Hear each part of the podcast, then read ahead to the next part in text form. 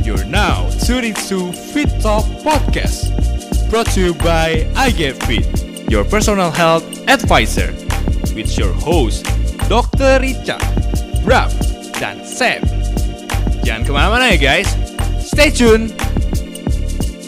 Kalau untuk dari segi kita udah ngebahas nanti ta- mental game, neurotyping. Nah, kalau untuk dari latihannya sendiri, kan kita juga sempat ngebahas itu tentang conjugate juga kan. Dan biasanya conjugate method ini uh, bukan biasanya sih dipopulerin sama uh, Westside kan.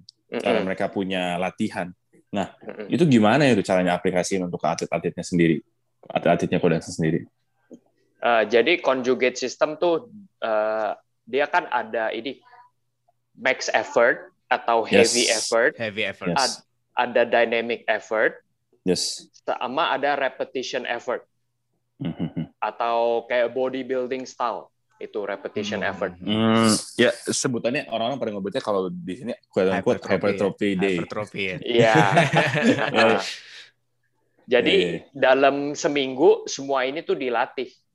Mhm. Hmm. Uh, kita kita susun gitu programnya gimana bisa semuanya dilatih. Mhm. Nah, kalau kita sekarang tuh latihan strength-nya seminggu bisa empat kali. Eh, seminggu empat kali. Kali. Hmm. Aha. Jadi di empat session ini gimana kita Hmm. distribusi ini semua ini. Hmm, oh iya ngerti ngerti. Hmm. Mm-mm. Biasanya Tapi dalam nggak hmm, nggak semua session bakal hard ya. yes high high high fatigue semua jadinya gitu kayak recovernya Iya. nggak dapet. Uh-uh, dan itu semua tuh uh, bisa dimodif. So, itu nggak kaku. Mhm. Jadi pas mereka saat di martial arts-nya udah fatigue banget, nanti di Hmm. strength-nya kita turunin, kita Hmm. sesuaikan. Ya ya ya. ya. Walaupun planningnya be- berbeda ya, uh, kita mesti tetap lihat uh, yang realnya apa yang terjadi saat itu. Auto regulation lah sebutannya. Ya. Ya, auto regulation. Auto regulation. ya. Mm-mm. Terus kalau misalkan kayak gitu, eh, periodisasi bloknya seperti apa gitu, Coach Dansen? Kayak, oh ini kan sempat dibahas juga waktu itu kita brainstorming, jadi Iya. bilang no, no deload gitu. Nah, gimana sih caranya untuk mengimplementasikan supaya no deload? Karena kan eh, prinsip-prinsip latihan yang ada gitu beredar, oh harus ada deload gitu untuk eh, once every mesocycle gitu. Nah itu gimana caranya biar nggak ada deload? Uh, lu mesti constantly change the stimulus. Mhm. Uh, untuk merubah stimulus tuh ya lu ganti gerakan, lu Hmm. bisa ganti stance, lu bisa Hmm. ganti loading, placement of the load. Lu bisa Oh, Contoh. oke. back squat kan lu loading the back. Yes, Yes. Kalau front squat lu load dari depan. yes. Terus ada yang namanya zercher squat, lu taruh Yes. bebannya di tangan. Mhm. Itu kan sesuatu yang berbeda untuk badan lu, stimulus yang baru, yang beda. Kalau lu constantly rotate gerakan lu, lu tuh bisa nggak adaptasi gitu. Mhm. Jadi it's a new stimulus. Jadi CNS lu tetap fresh. Mhm. Beda dengan biasa yang kayak linear biasa gitu ya, kayak back squat week 1 uh, 70 persen, week Yes. 2 72 per- setengah persen, week 3 75 gitu-gitu.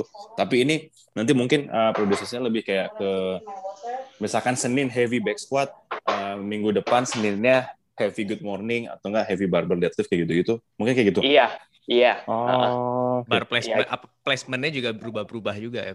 Uh, makanya kadang kita juga pakai specialty bar. Kita nggak selalu pakai straight bar. Uh, Hmm. safety squat bar kayak Ya. gitu-gitu. Ya, safety squat bar atau Hmm. itu buffalo bar. Buffalo bar, uh, kayak deadlift mungkin trap bar Iya, gitu-gitu. atau Hmm. sebenarnya bisa juga pakai rack-nya, rack pull, Oh, rack pull ya bener rack pull bener-bener. bisa Pins. deficit deadlift juga. Pin squat lah kayak gitu-gitu kayak gitu. Iya. Uh-uh. Hmm. Kalau dari segi exercise selection-nya kan rotating. Nah, kalau dari segi intensity-nya gimana, uh, Production? Intensity-nya high. Oh, hanya berapa? Kayak 85? 80, 85? Eh, li, lima kan bisa 5 rep, 4 rep, 3 rep. Ah, isi di 80 sampai 90 persen lah. 90. Iya. Ya, 90%. kadang sampai 2 sampai 2 rep kadang. Oh, sampai sampai double sampai oke oke oke. Dan Iya. itu per minggu settingnya tuh program settingnya lebih kayak start dari 5 dulu, terus nanti minggu depan uh, sama lagi 5 atau misalnya minggu, minggu depan li, sekarang 5 Ter, minggu depan 4, tergantung fasenya. Dia tuh lagi Ah. di fase mana. Dia lagi Fase. mau tambah otot, Hmm. dia lagi mau fokus sama ningkatin strength-nya atau Hmm. dia mau ini mau maintain Hmm, oke. Kalau kalau misalkan fasenya untuk nambah otot, nambah otot gue biasa sampai up to six reps up to six reps. Oh. Jadi kayak keep it uh, tetap power dan strength lah ibaratnya ya.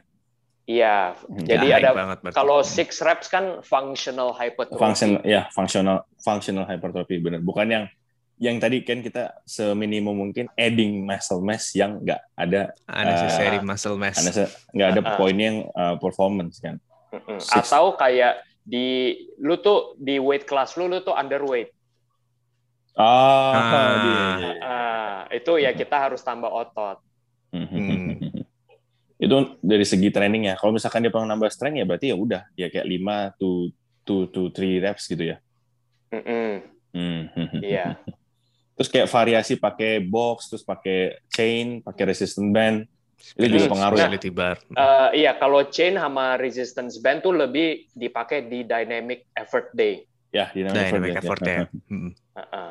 Jadi eh, kalau kita ngangkat berat kan kita cuman melatih kalau dilihat dari force velocity curve-nya kan kita lebih Yes. latih high force output tapi eh, velocity-nya kan rendah Ya. Mm-mm. down. Mm-mm. Jadi kita mesti latih eh, yang lain profile yang lain juga.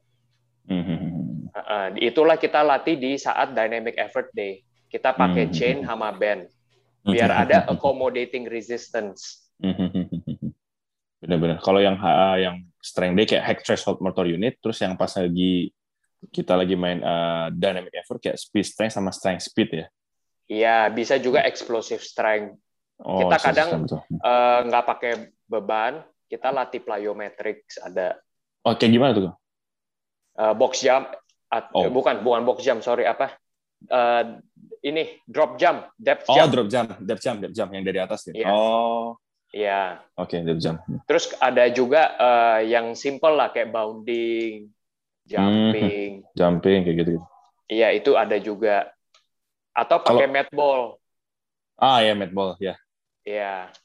Nah, itu ada kita lakuin juga. Sebenarnya untuk pe- penggunaan mat ball sendiri tuh bukan ya maksudnya menjatuhkan pihak. Gimana ya maksudnya? Ada beberapa uh, cabang olahraga yang pakai mat ball itu lebih kayak the heavier. Pokoknya gimana caranya slam the ball tuh the heavier mungkin. Padahal justru kalau menurut pemahaman gue sendiri, ini kalau di, tolong dilurusin ya, kok kayak Hmm. Sebenarnya pakai mat ball itu sebenarnya seberapa cepat sama seberapa eksplosif kan sebenarnya bukan seberapa Iya. beratnya. Iya. Heeh. Lu Ah, kalau memang mau develop explosiveness, ya beban lu nggak bisa terlalu berat. Iya benar. Yang penting kan fokus ke how we create outputnya se-faster dan se-eksplosif Iya. mungkin kan. Hmm. Heeh. Lu rate Ah. of force development-nya cepet gitu. Hmm, Oke oke.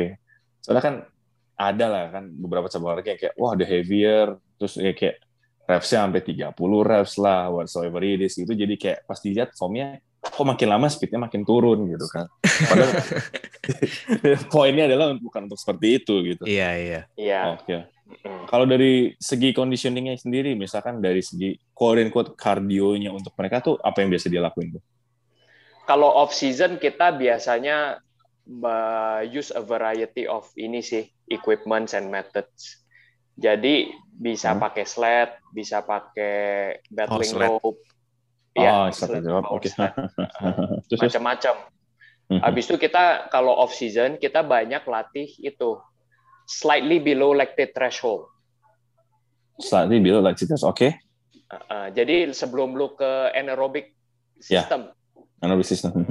Mm-mm. karena off season kita mau meningkat tingkatin aerobic system kita biar bagus. oh, work capacity-nya dulu Work ya? capacity pasti. Ya, work Mm-mm. capacity Yes. dulu. Iya. Karena kalau base lu bagus dan kuat, saat lu Hmm. nge-push nanti, Mhm. uh, saat lu udah mau in season, itu gampang banget. Mhm. Tapi ya kadang-kadang kita juga latih anaerobic sistemnya. Tapi nggak selalu. Porsinya nggak sebanyak kalau ketika dia on Iya. season. Uh-uh. Oh, Kalau I see. on season sendiri, gua dari gua pribadi gua nggak kasih conditioning Oh ya? karena dari disiplinnya mereka sendiri dari sportsnya sendiri itu udah banyak banget conditioningnya. Nggak perlu. Hmm, jadi fokusnya on uh, strength gain-nya ya? Atau iya, strength strength sama injury prevention-nya biar dia Ah, nggak iya, iya. cedera. Ya, ini juga penting banget tuh buat si injury On season prevention-nya. Hmm. Heeh. Injury prevention-nya kayak gimana contohnya? Jadi kalau untuk striking spots, eh, contoh boxing, Hmm. itu kan banyak cedera di rotator cuff atau enggak di Oh wrist. iya, iya, Wrist. iya, iya, iya, iya, Hmm. iya. Heeh, itu otot yang jarang kita pikirkan sebenarnya. Biasanya kan kita mau ningkatin strength tuh heavy compound movements kan. Jadi Iya, kita iya. lupa akan small isolation movement. Hmm. Joint connective tissue-nya juga nggak diperhatiin. Iya, itu it- apa yang terjadi pada diri gua. Jadi pas itu gua mau ikut ini kan turnamen fight amatir lah. Terus wah gua geber dah latihan Hmm. strength-nya untuk Hmm. tingkatin strength dan power. Gua lupa Hmm. injury prevention. Cedera lah rotator cuff gua. Oh ya?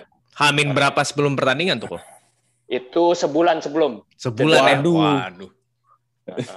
Dan itu itu cedera juga karena gua udah 8 tahun gua nggak latihan boxing. Karena gue masuk Hmm. dunia fitness tuh udah nggak pernah ada waktu untuk latihan. Terus sekarang kan gue kerja sendiri kan, lebih ada waktu luang. Terus gue lihat Hmm. postingan, wih gue mau ikut deh fight ini. Dari zero langsung ke 100 km per jam. Digeber latihannya, ya hancur lah badan. Iya, Persiapannya berapa lama tuh? Tiga bulan nggak nyampe? Itu tiga bulan. Oh, tiga bulan, buset. Cepet banget. Itu kalau nggak salah fight yang yang terakhir bukan sih? Yang sempet Iya, di... Oh, iya, iya, iya. di iya. Palas. Di Palas ya, di Palas. Nah, Iya.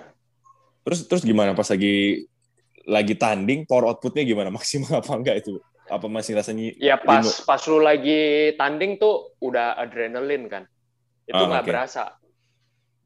Setelahnya baru berasa. berasa? Setelahnya. Itu lama sih recovery-nya berapa bulan? Beberapa bulan itu Hmm, baru bener. Baru gua latih lagi ototnya. Jadi, Jadi- rotator cuff work kayak wrist, lu mesti strengthen lu punya wrist. Wis. Kalau bahu, bahu ngaruh nggak sih? Kok Bahu lagi juga. dia- Bahu juga Bahu juga. sih. Iya. Hmm. Heeh. Jadi dalam programming tuh mesti ada yang high repetition juga. Terutama untuk otot-otot kecil dan sendi-sendi. Lu mesti condition lu punya joints. Kita mungkin nyebutnya kalau bahasanya ini kali ya. Masuk nggak sih accessory work gitu kan? And quote Iya. accessory work. Uh-uh. Yes. Iya. heeh. Oke, oke. Atau Jadi kalau kayak- grappling, Hmm. grappling kan dia butuh leher yang kuat banget. yes. Hmm, hmm, hmm. Itu biasa tambahin trap work. Traps. Trap worknya ngapain? Eh, ya a variety of rows yang hit lu punya trap juga. Kalau gua gua nggak Hmm. suka shrug doang. Gua selalu tambahin row dan shrug. Row dan strap. Hmm, Iya kan Ya, karena kalau lu shrug doang tuh you're wasting your time gitu. Hmm, hmm, hmm, hmm. Dengan waktunya lu bisa dapetin otot lain juga. Jadi row tambah shrug. Hmm, gue pernah lihat ini deh, apa yang uh, yang apa kayak neck bridge, bridging pakai Mm-mm. neck. Itu juga termasuk nggak sih buat kuatin kuatin neck apa? Itu tapi bukan Iya. apa? Heeh, termasuk. Hmm. Tapi itu tergantung atletnya ya. Yes, karena gerakannya advance banget kan itu Hmm. sebenarnya. Iya. heeh. Karena biasa kalau gerakan wrestling lu dibanting, kadang lu di posisinya begitu. Oh, Iya. iya iya posisinya Hmm. benar-benar. hmm. Maksudnya gitu. Iya. Heeh. jadi Nyi- mereka nyilu juga. harus harus kuat untuk nahan begitu Jadi posisi itu. re- regressionnya dia untuk bisa training sebelum pakai apa neck bridge itu pakai mungkin yang ke- pakai kepala dulu gitu ya, yang kepala di sama plate Iya, atau Hmm. eh, di support pakai tangan dulu. support pakai tangan. Oh. Jadi misalnya lu lu kepalanya sentuh lantai, Hah? lu kayak mau ini, kayak mau eh, inverted push up gitu. Oh, Iya, oke, iya. Tapi gitu. tangannya Iya. di lantai. tangannya di lantai. Ya. Jadi lu base-nya banyak. Ada kaki lu, ada tangan lu untuk support leher lu. Hmm. Nanti lama-lama kan lu makin kuat, lu lepas tangannya. Nah, ini sih, tapi ini sih. ya kebanyakan dari orang tuh dia salah, dia cuma latih lehernya. Dia lupa base-nya apa? Base-nya tuh trap. traps benar-benar. Ya betul Ya. sih. Hmm. traps lu mesti kuat juga Bener. Oke sih. dan lu mesti latih dari segala direction, bukan cuman depan belakang. Oh, iya. kiri juga mesti Kanan kiri. Kayak plannya kayak eh, sagittal gitu, kayak transfer, eh, transfer gitu-gitu termasuk ya.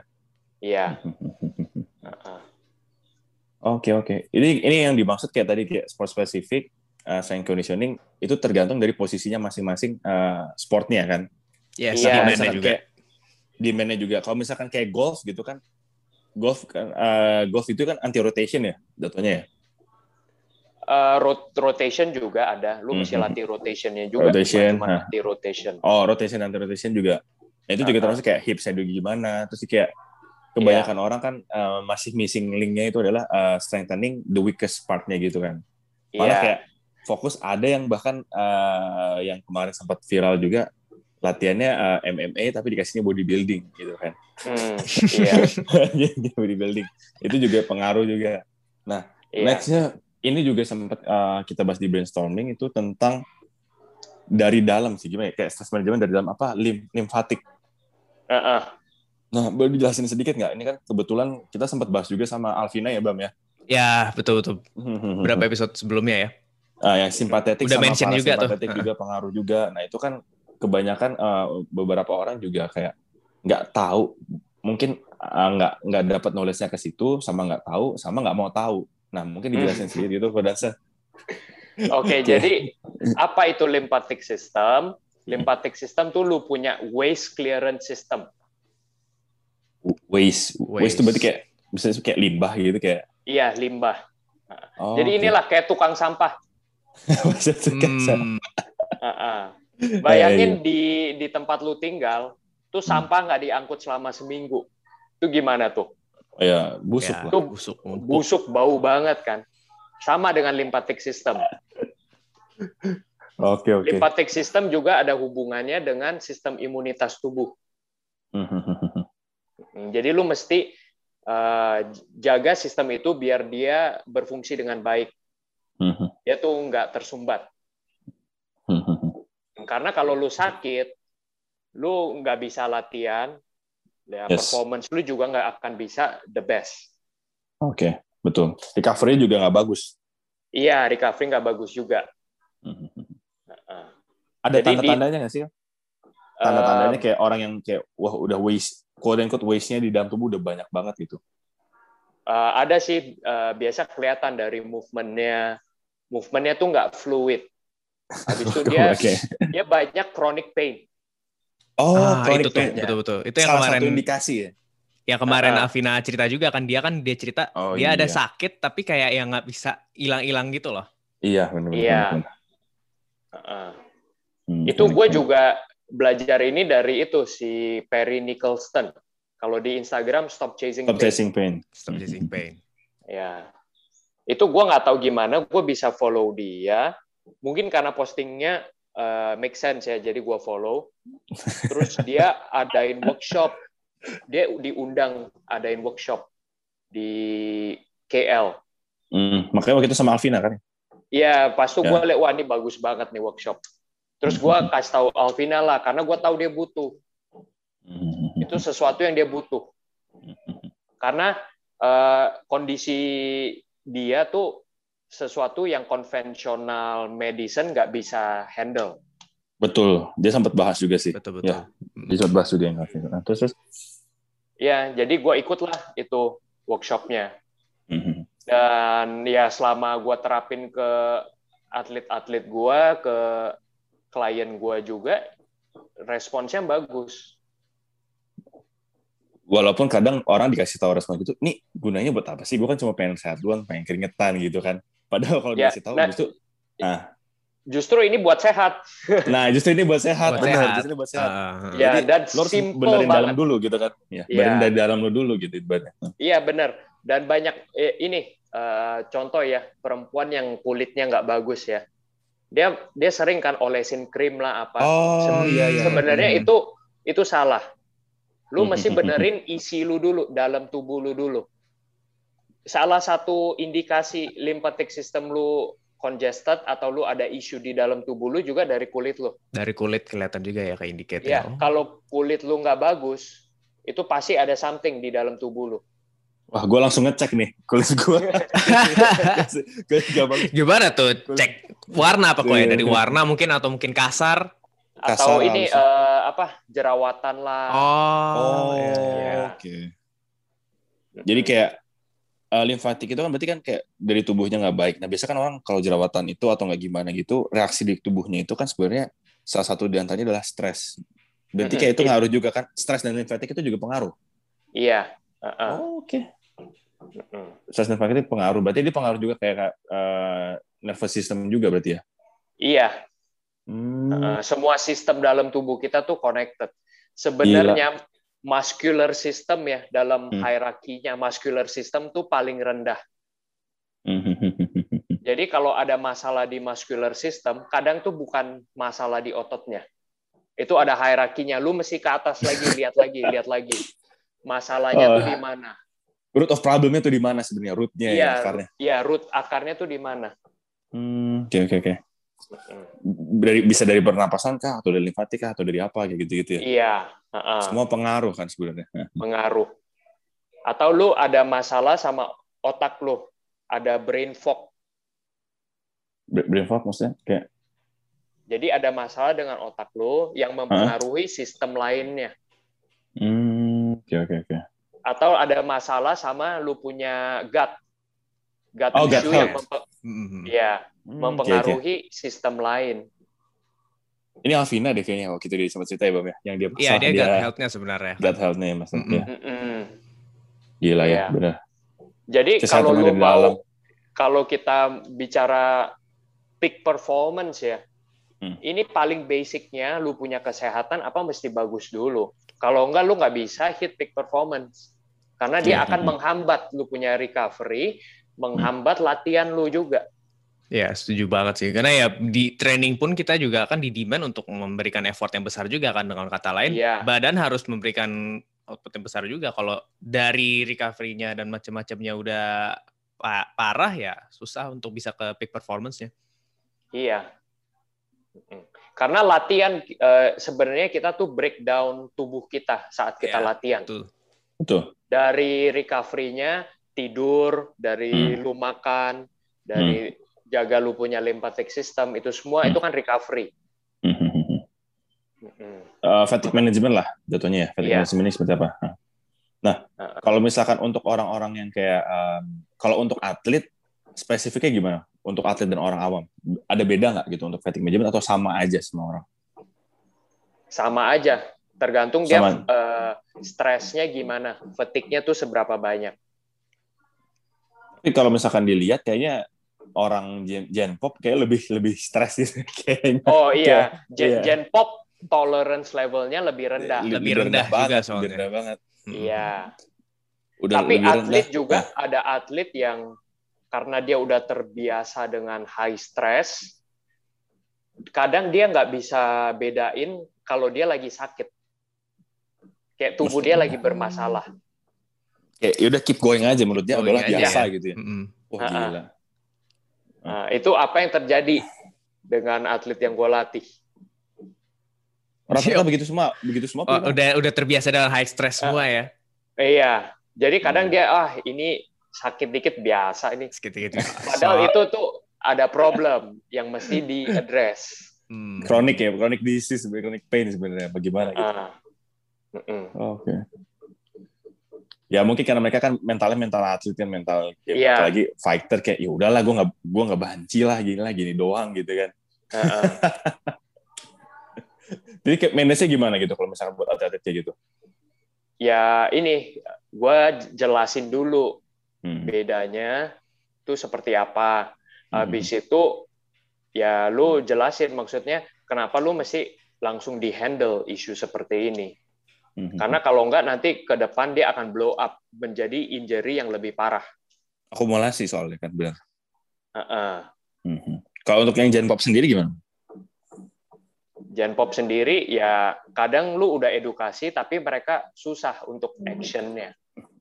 Iya benar kadang kayak ya udahlah nanti nanti nanti nanti nanti jadinya tertunda tertunda tertunda ya nggak jadi nggak ada improvement jadi susahnya kayak gitu Mm-mm. Tapi ya biasanya itu tunggu waktu. Tunggu dia benar-benar sakit banget, baru dia benar-benar sadar. Itu tuh penting. kayak emosi orang Indonesia begitu deh kayaknya ya. Mm-mm. klien-klien klien-klien gue gitu-gitu semua juga dikasih tahu dari sekarang dari awalnya harus begini begini begini nggak dilakuin nggak dilakuin di ujungnya nanti kayak ngerasa kok iya ya, ini sakit ya kok ini nggak enak ya gitu gitu baru Iya. Benar-benar. Kadang orang tuh percuma kita kasih tahu juga, dia belum siap untuk menerima. Iya. Belum kena batunya dulu Belum gitu ya. kena batu. Iya. oke kayaknya udah udah semuanya deh ini kita bahas ada mau tambah lagi kok Hmm, nggak ada sih. Oh, ada eh, ini. Nafas. Jangan lupa ya, nafas, juga nafas, penting. Oh, iya. nafas. belum belum nafas belum ya Nah, kalau buat nafas Iya. sendiri gimana Kalau nafas, lu sebisa mungkin nafas dari hidung. Oh gue gue gue liat postingan yang sempat di repost yang dia mau tape Mm-mm. eh apa yang dia belajar dari hidung ya napasnya ya yang Iya, di, di, postingan ah, ah, boleh dijelasin sedikit kok Jadi kalau lu tarik nafas dari hidung, lu tuh sebenarnya produksi nitric oxide di dalam tubuh lu. Nitric Oke. oxide tuh dia bantu untuk dilate lu punya blood vessel. Jadi tekanan Hmm. darah lu bisa lebih rendah.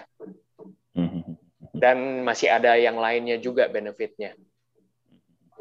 Nitric Jadi- oxide oh ya lanjut lanjut lanjut Kalau lu tarik nafas dari hidung, Hmm. lu kan intensity lu akan secara nggak langsung tuh diregulate oleh nafas lu. Mhm. Jadi kebanyakan orang dia belum own own that intensity zone. Mhm.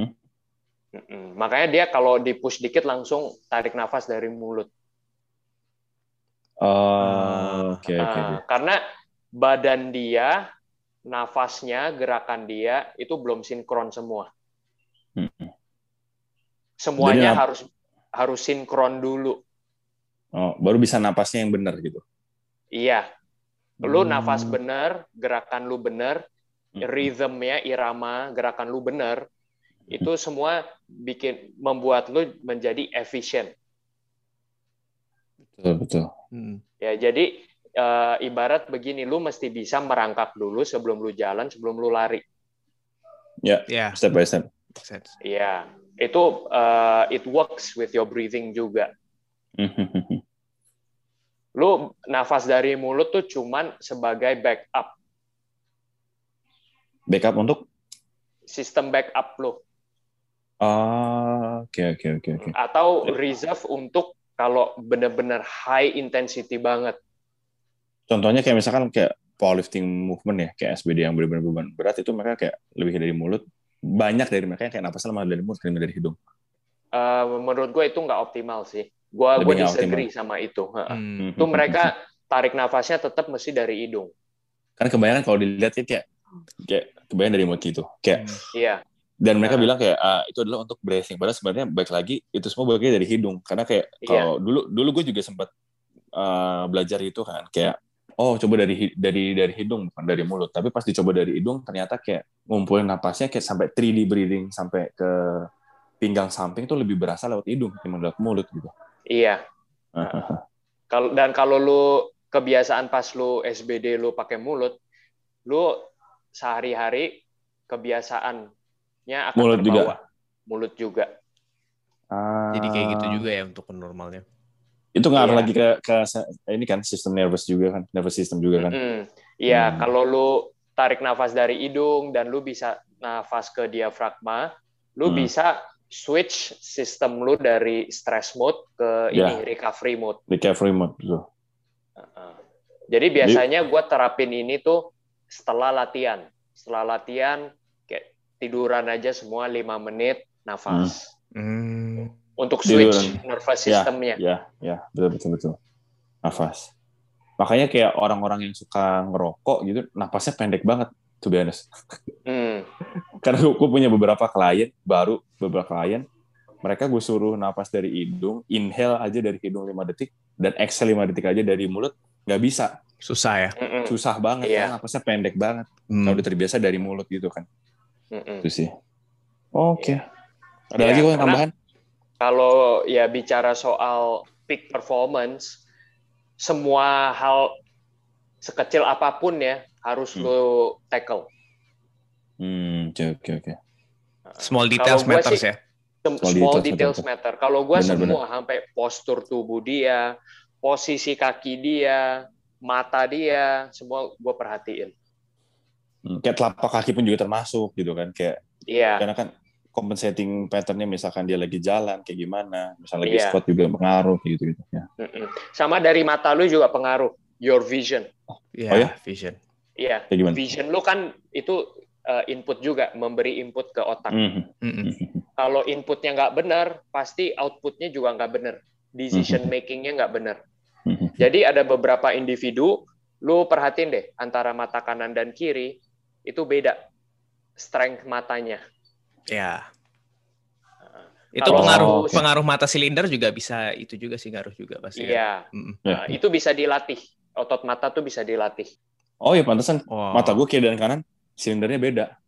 Mm, Hmm. mm. Hmm, itu Itu pengaruh juga ya. pengaruh ke postur tubuh juga. Oh, oke. Karena informasi yang diterima antara otak kanan dan kiri beda. Oh, baru tahu nih. Baru tahu deh, lagi. baru tahu deh. Baru lagi, baru lagi. baru lagi. Jadi Dan kayak bukan cuman itu, kalau lu la- kayak combat sports, kalau mata lu kanan dan kiri nangkep informasinya, speednya beda, itu lu bisa kepukul. Lu bisa ke take down. Iya, iya. Make sense sih, karena kan kadang-kadang eh yang tadi barusan Ko Datsun bilang emang mata kita ini kan yang ngasih informasi ke otak kita kan. Jadi yang seolah-olah akhirnya eh, ngontrol gerak tubuh kita juga se- untuk decision makingnya. Iya. Kalau berbeda ya. baru tahu. Nah, eh, Makanya kadang beberapa individu eh, kenapa dia sering kena di satu sisi doang. Itu lu mesti cek matanya. Karena matanya ya, Hmm. inform, Hmm. penangkapan Iya. informasi kiri dan kanannya beda. Baru tahu. Iya. Itu dilatihnya gimana kok? Eh, yang simple banget ya. Misalnya lu mata kirinya nggak sekuat kanan, lu tutup aja Hmm. mata kanan, Hmm. terus lu fokus sama satu titik, misalnya jari lu. Lu Oke. fokus sama jari lu sambil lu gerakin jari lu. Deketin Oh. ke mata, jauhin, Jauhin. ke kanan, ke kiri, lu puter. Wah, baru tuh bang Baru bisa dipraktekkan tuh bang. Ini buat yang dengar nih ilmu gratis banget nih. Gue langsung Ya, nyoba kalau gitu, gila, gila, gila. Ya kalau Terus mau lu gitu. ini, lu follow Posture Pro. Oh, gue follow, Instagram. follow. Bro. Posture Pro, follow. Oh, gue belum follow, gue belum follow. Hmm. Posture Pro, ya. Gue follow tuh. Ya, gua gua ikut workshopnya, gua sign up for workshopnya pas itu Oh. online. Dan maksudnya dia ngebahas juga tentang mata juga ya, sampai mata ya? Iya, uh-uh. Si ini kan, Annette Fairpilot ini kan? iya. Ya, Pioneers of Nervous System Approach, Exercise Health and Pain Free Prevention of Performance. Ya, ya. Mm-mm. Wah, gila. Ada juga IKN, Integrated New Kinetic Neurotherapy, IKN. IKN. Uh-uh. Oke, nanti nanti boleh Cuman itu, dicek. cuman itu dia lebih complicated, lebih Lebih- sciencey. Hmm. Oke, Ah. oke, oke. Kalau Posture Pro dia lebih Ya, lebih general simple, Lebih sederhana, lebih general. language-nya lebih simple. Lebih simpel, benar, benar, benar, benar. Kayak pengaruh apa rahang juga ya? Iya, Kayak, posisi iya, iya, rahang lu posisi rahang juga. Benar, benar, benar. itu benar. ngaruh ke postur tubuh lu juga. Hmm. Karena gue gue mulai gue mulai nyadar gitu kayak mata kena, mata kenapa mata kanan gue sih lebih gede terus rahang gue yang kanan tuh lebih kayak lebih Lebih tight develop gitu. kan? lebih develop lebih develop benar benar benar Iya, uh-uh. itu semua pengaruh. oh gila Iya. Karena kalau postur lu nggak nggak ini nggak optimal, Hmm, pasti gerakan lu nggak efisien. hmm, benar benar benar. Uh, kalau ini kalau bicara soal peak performance ya, lu Hmm. mau optimize semuanya. Yes, peak perform in Hmm. under peak performance. Hmm. Hmm. Ya sampai sih. lu nutrient timing, your micronutrients apa itu juga mesti di di ini di nutrient timing Uh-uh, mesti dianalisa gitu. Analisa. benar sih benar sih kayak kayak bahkan kadang orang tuh kadang kayak nutrient sampingnya nggak nggak on time gimana kayak "Ya udahlah gue masih sisa 2000 hajar aja 2000 eh, masih sisa 3000 hajar 3000 gitu Jam Karena 11 malam. ya either entah mereka sibuk apa gimana nggak ada waktu kan kayak gitu Hmm. ternyata itu semua play big big role lah terus Yes. habis Iya. itu stress management juga uh, programming juga termasuk dan ternyata lebih-lebih lagi bahkan sampai mata tuh bahkan posisi Iya. rahang gitu itu semua pengaruh juga pengaruh jadi jadi buat uh, yang nanti uh, teman-teman yang dengerin gitu kalau misalkan dengerin ini wah ternyata fitness itu nggak se simpel gue ngangkat beban doang ternyata hal performance itu tuh buat nyampe performance itu tuh lu harus aware semuanya gitu apa yang iya apa yang dari dalam itu akan pengaruh juga keluar ke bentuk uh, Yes. appearance kita juga gitu fisik Iya. gitu kan. Heeh. mungkin ada kata-kata terakhir gitu kok ini kan udah semuanya kita bahas Yes. kata-kata terakhir penutup Pesan lah. Pesannya gini kalau lu misalnya lu recre uh, do recreational sports lu sepeda lu lari lu main bola lu Mhm. harus punya strength and conditioning on top of your recreational sports wajib Ya, tetap wajib, tetap ya wajib. Indonesia. Wajib. Mau golf lah, mau mau golf doang. Iya. wajib banget. Iya, wajib. Kalau enggak, lu akan mencapai suatu titik di mana lu akan cedera. Yes. Udah Gua pasti sih itu udah Iya, pasti sih Gue banyak banget lihat kasus seperti itu. banyak banyak banyak gue sering nemu juga kok kayak gitu Ya, dan gitu carilah orang yang mengerti. Hmm. Lu jangan sembarang kayak ikutin uh, bodybuilding program atau program yang yang nggak sesuai dengan ini tujuan lu. bener bener bener bener selama ini kan orang mikirnya udahlah gue MMA gue nggak usah latihan beban udahlah gue lari gue runner nih Hmm. ngapain sih gue ngangkat-ngangkat lari gue jadi jadi lambat gitu kan Hmm. nah itu terjadi kalau kalian secara programmingnya aja salah gitu kayak Yes, masa latihan betul. bodybuilding kan kita Iya. nggak mau sampai ada additional mass ke badan itu yang nggak penting gitu kan Yang malah mid badan kita Nah, sendiri. iya. kemarin. betul betul betul Hmm. itu sih Thank you banget buat Ko Danson. Tadi udah bagus banget explanation-nya untuk dari strength, strength and conditioning dan juga untuk ke eh, program dan juga training selection-nya ya. Jadi balik lagi kita harus ngedetermine dulu nih tujuannya buat apa, demand sportnya itu juga buat apa. Habis itu juga jangan lupa injury eh, prevention juga ya dan injury mi- mitigation mitigation juga karena ya baik lagi ketika kita pas lagi latihan sebenarnya kondisi badan kita ini lagi nge-breakdown kan. Jadi kita harus Iya. consider ke situ juga nutrition, habis itu juga rest, recovery itu juga harus di eh, analisis lagi untuk da- dapetin peak performance dari tubuh kita.